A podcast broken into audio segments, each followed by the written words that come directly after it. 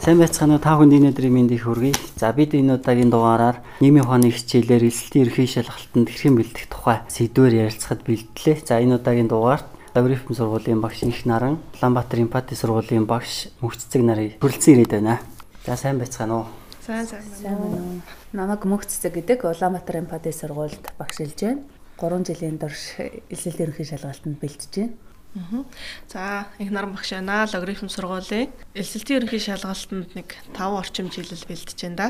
Юуны өмнө та бүхэн яг элсэлтийн ерөнхий шалгалтанд хүүхдүүдийг яаж бэлддэг тухайга зарим нэг туршлагаасаа хаваалцвал. Аа. За баярлалаа. Ер нь 6 бүлэг хичээлийн хүрээнд элсэлтийн ерөнхий шалгалт маань явагддаг. Аа тэгээд 10 11 дэх ангийн шин сургачгийн сургачиг гарсан байна. За тэр агуулгаа бол яалтчгүй үзэх ёстой. Дээр нэмээд буянгийн нийгмийн тухай мэдлэг номыг бол одоо нэмэлт материал болгоо ашигладаг. Ерөнхийдөө 12 дугаар ангид ороход нь 10-аас 12 дугаар ангийн бүхэл хичээлийг нь одоо өргөсөн агуулгаар орохыг хичээдэг. За ингэснээрээ хүүхдүүд нөгөө 10-та 11-та орсон хичээлүүдээ нөгөө мартсан бол эргэж сэргэн сандаг юм давуу талтай байгаа. Тэгэхээр багшийн зүгээс аваад үзэх юм бол багш ер нь бол хичээлийг аль болох ойлгомжтой нөгөө нэг амьдралд ойртуулж тэ өөрсдөнд нь тохиолдож байгаа асуудлуудтай нь холбож заахыг бол хичээж байна. А тэгэхгүй болохоор зүгээр онолыг цээжлүүлээд ч юм уу те тэр тэгдэг ин ингэдэг гэд хэлчих юм бол хүүхдүүд бол бууж өгдөггүй юм болов уу гэж ажигласан байгаа. А харин манай сурагчдын зүгээс хэрхэн яаж бэлтэх вэ? Энэ айгүй чухал. А багш мянган одоо сайн заагаад сурагч хүлээж авахгүй байвал тэр чи үр дүн гарахгүй шүү дээ тий. Тийм учраас сурагчид гис нарынхаа зааж байгаа хичээлийг анхааралтай сайн сонсох, ойлгож авах тий. Ойлгохгүй байгаа зүйлээ эргүүлж асуух, асуухаасаа айдаггүй тий. Санаа зовдггүй байх ийм шаардлагатай хаа гэж бодож байна. За тэгээ хичээлийг хамгийн гол нь системтэйгээр сурна гэж нэг чухал зүйл байгаа. За ерөнхийдөө бол нэг иймэрхүүл байна да.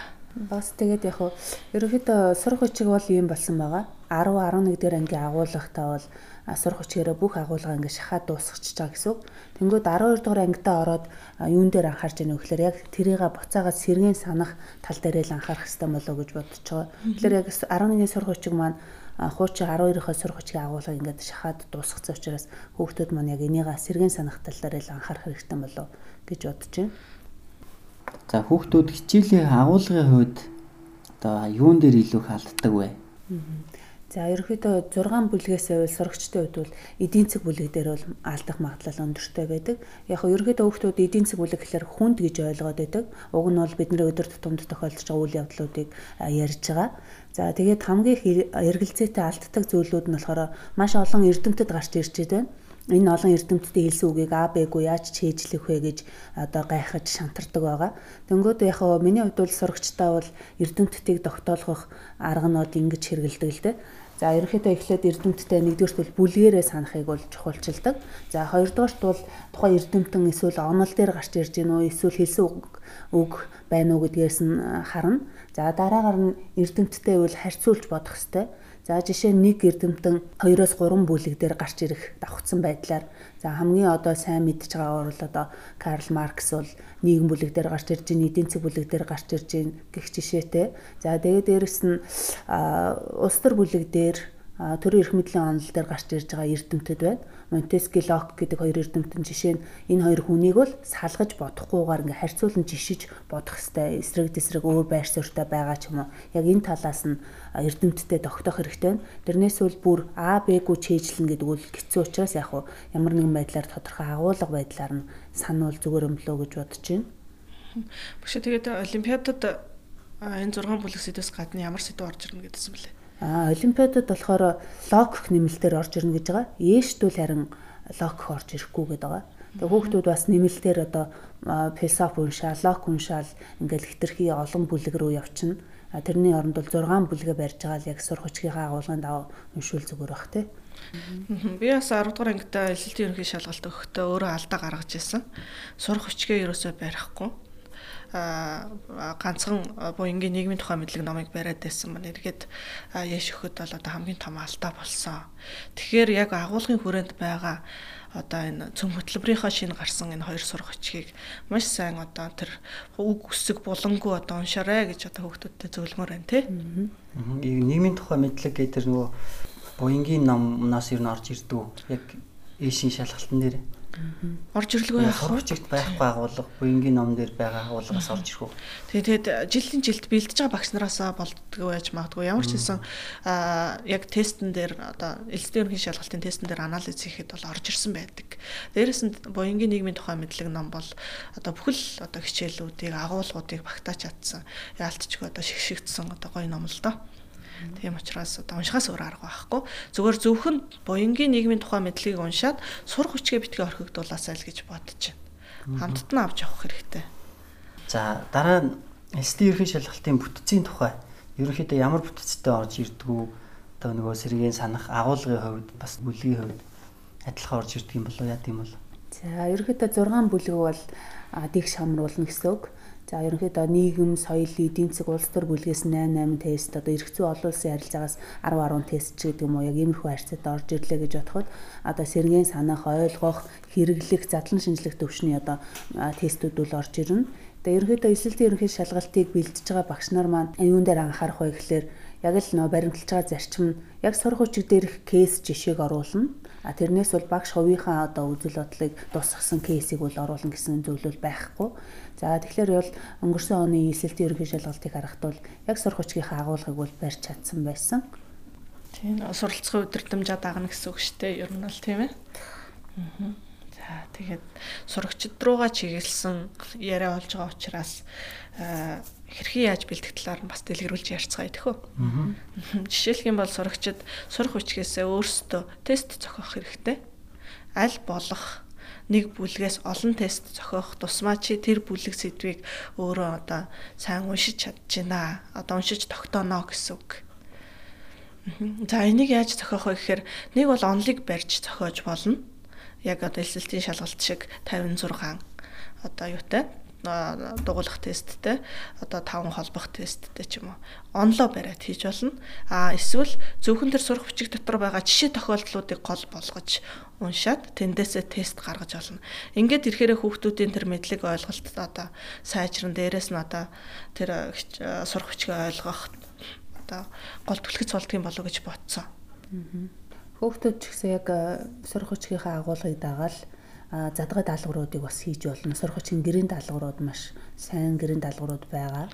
Задгай даалгавар хийж ивэл бас бүр сайн байна гэсэн үгтэй тесттэй хийх хэрэгцээ. Давхар уншичил зэрэгцүүлжил явахгүй бол дан тестийн ном бариад одоо эсэлтийн ерөнхий шалгалтаа сайн өгнө. Эсвэл одоо дан буянг уншаад 800 өгнө гэж бол андуурч болохгүй. За унших тест ажиллах хоёроо бол хослуулж явах нь бол маш зохистой л гэж бодож байна. Тэгээ бас сонирхолтой схем хийж болж байна. Хичээлийнхаа агуулгын хүрээнд Тэгээ багш нарынхаа өгсөн даалгаврыг бол цаг тухайд нь яг сайн хийж байгаарай гэж зөвлөхийг хүсэж байна. Багш нараас их сайн асууж явах хэрэгтэй баг тийм ээ. Тий, тэр аягүй их чухал тий. Өөрөө итгэх ерөөсөн 99% байгаа шүү дээ. Багшийн нь бол нэг хувь л байгаа. Ер нь нэг хичээлийн онцлог байна шүү дээ тий. Ер нь тэгээ бас нэг логик гаргалгаар нь хөөж тестийн хариуг олдог ч одоо тестүүд байна те тестийн тавилаасаа шалтгаалаад яг одоо ингээд тодорхой зүйл ингээд өгөгдсөн байгаа. Тэр логик гаргалгаар нь унших чадвартай байх хэвээр. Тэгээ багш нарынхаа зөвлөгөөг сайн дагаад сурах хүчгээ дээрэс нь тесттэй зэрэгцүүлж яваарай гэж хэлмээр байна. Тэгэхээр хамгийн сүүлд хэлэхэд шалгалтаа өгөхөөр орохдоо маш тайван байх, эрт очих сэтгэл зүгээ бэлдсэн те өглөөний цайгаа уусан ингээд очих хэрэгтэй. Хин нэгнээс хуулах болов хуулах боломж олдох болов ч гэдэг юм уу? Ийм одоо хоёртмал сэтгэл зүйтэй очих юм бол үр дүн гаргахгүй чи бол өөрөө өөрийнхөө л эзэн болноо За тэгээд өгөгдсөн хугацаанд тестийг ажиллахын тулд чихний ээлжинд нөө хариултын утастай маш сайн ажил сурсан байх хэрэгтэй. Тэрэндийг алдаа гаргадаггүй, сандардаггүй одоо гоё дугуулах шаардлагатай байна. Дээрээс нь 56 асуулт дахиад 5 холбох тест ингээ зөндөө их даалгаврууд байгаа учраас эргэж хараад дараа нь энийг хийчихье гэж орхигдуулахгүйгээр дээрээс нь ахуулаад одоо 100% гүйцэтгэлтэй хийхийг хичээх хэрэгтэй. Тэгэхгүй бол за за энийг мэдхгүй байна. За дараа нь харчих гэдэг юм уу те. Ингээд ингээ үлдээчдэг, цагийн төхөөд ирээд сандардаг. Ингээд нөгөө нэг тестэ дугуулж чадахгүй юм. Хэцүү байдалд орох уу гэдгээс бас их одоо санаа зовж байна да хүүхдүүдтэй. Уялалтын журам дээр бол нэг цагийн өмнө очисон байх хэрэгтэй гэдэг юм лээ. Тэгээд 10 минутын өмнө суудлаа эзэлсэн байх хэрэгтэй гэсэн юм байт юм лээ. За тэгээд одоо эслийн ерхий шалгалтанд амжилттай бэлддэг багш нарын хувьд өөрийн гэсэн нэг тийм одоо тактик гэх юм уу аргатай байдаг юм анзаарэгддэг. Одоо жишээлх юм бол орчлон сургуулийн багш гэхэд одоо сурагч өр судлаач байх хэрэгтэй гэдэг тиймэрхүү аргаар бэлддэг ч юм уу те. Яг судлаач хүний өнцгөөс харуул энэ ямар байх вэ гэдэг тийм нэг одоо арга баримталдаг юм байд юм бэлээ. Тэгэхээр та бүхний хувьд яг ээшт бэлтгэхдээ хүүхдүүдэд яг ямар арга барил хэрэгэлдэг вэ? Өдөр бүр хичээлэл гэж хэлдэг. Өдөр бүр өөртөө яг нийгмийн ухааны хичээл дээрээ цаг гарга. За багшийнхаа ярьж хэлж байгаа зүйлийг дор бүрт сайн тэмдэглэл эргүүлээд өгсөн даалгаврыг хариуцлагатай хий. За тэгээд өөрөө ёстой л судлаач бай гэдэг шиг өөрөө хамгийн гол нь сонирхох хэрэгтэй. А багш бас өөрийгөө байн хөгжүүлэх хэрэгтэй тий. Сурагч тэхийн тулд олон одоо ном сурагчгуудыг унших хүүхдүүдтэй яаж заавал одоо хүүхдүүд манай ойлгох вэ гэдгийг аягүй сайн бодох хэрэгтэй юм шиг л санагдаад байгаа. Тэгээ одоогийн байдлаар мундаг сайн багш болоогүй л юм л да. Тэгээ яг миний хувьд бол яг бүлэг бүлгээр нь бас хүүхдүүд ингээд яг өөрийгөө дайчлаад ажилдаг хүүхдүүд бол ингээ бүлэг бүлгээр нь ингээ эхнээс нь уншаад энэ номон дээр зөрөөтэй байгаа, тэр номон дээр ийм зөрөөтэй байна гэд ялгааг нь олж харсан хүүхдүүд бол маш одоо хянамгай сайн ажилтдаг юм байлээ. Тестнэр алдах хувийн ч гэсэн багасаад ирчдэг юм байлаа гэж анзаарсан. Тэгээ олон жил элсэлтийн шалгалтанд бэлдсэн халиуна багш байгаа. За халиуна багшийн туршлагаас харахад бол хүүхдүүдийг маш системтэй бэлддэг За дээрэс нь эргүүлээд нөгөө хариуцлага тооцох тал дээр их сайн чанга байж чаддаг. Тэр нь хүүхэд л болсон байна бас нөгөө нэг фэйсбүүк орохч байдаг юм уу найзуудтайгаа уулзах те. Тэрэнд илүү их анхаарал хандуулад байдаг бол бас багш нэг талаасаа бас эргүүлээд хариуцлага сайн тооцож а одоо тооцоод байвал илүү үр дүнтэй байдаг юм байна гэж бодсон. Тэр нь бол халин огш 720-оос дээш оноо амлдаг шүү дээ тий. Тийм шүү дээ тий. Аха. Тэгэхээр ветеринарын хувьд ч гэсэндээ хүүхдүүдтэй зөвлөхөд өөрийгөө юусоо голж болохгүй хүүхдүүдтэй гол нь уншчих тий ялангуяа одоо энэ хөл хорой тогт одоо тогтцсон байгаа ийм хариуцлагатай үед бол одоо тий асуудлыг бол боломж болгон харах хэрэгтэй. А төгсгөлд нь нэлслийн ерхий шалгалтанд бэлдэж байгаа сурагчтай хандаад одоо хэлэх зөвлөгөө санал байвал хэлж болно. Тий би бол яг одоо яг ингээд бүр нийгмийг сонирхож байгаа өөр одоо би ээжтэй 800 авнаа гэ ингээд явж байгаа хүүхдүүдтэйг бол хооронд нь найзлуулдаг хоёр хоёроор нь. Жишээ нь яг ингээд хоёр хүүхэд хоорондоо найзлаад ирэхээр би юундээ зориулаад тест зохиогоод ирнэ. За одоо жишээ нь хоёр нэгдүгээр бүлгээрээ би юундээ зориулаад 50 50 тест зохиогоод ирээрээ гэхлээр нөгөө чи би юундээ зориулаад тест зохиогоод ирнэ. Тэгээд тестээ зөрж ажиллаад тэнгуүдээ буцаагаад тэрийг би энээсээ асуугаад ингээ явах юм бол ер нь бол аль болох одоо яг орчин үеийн хүүхдүүдэд хөгжилтэй байдлаар сурах юм боломж юм лөө гэж харж байгаа. Тэрнээс бол чи 100% ганцаараа ажиллаад 100% ганцаараа уншаад ингээд явах бол бас хоцрогцсон арга барил юм лөө гэж бодож байгаа.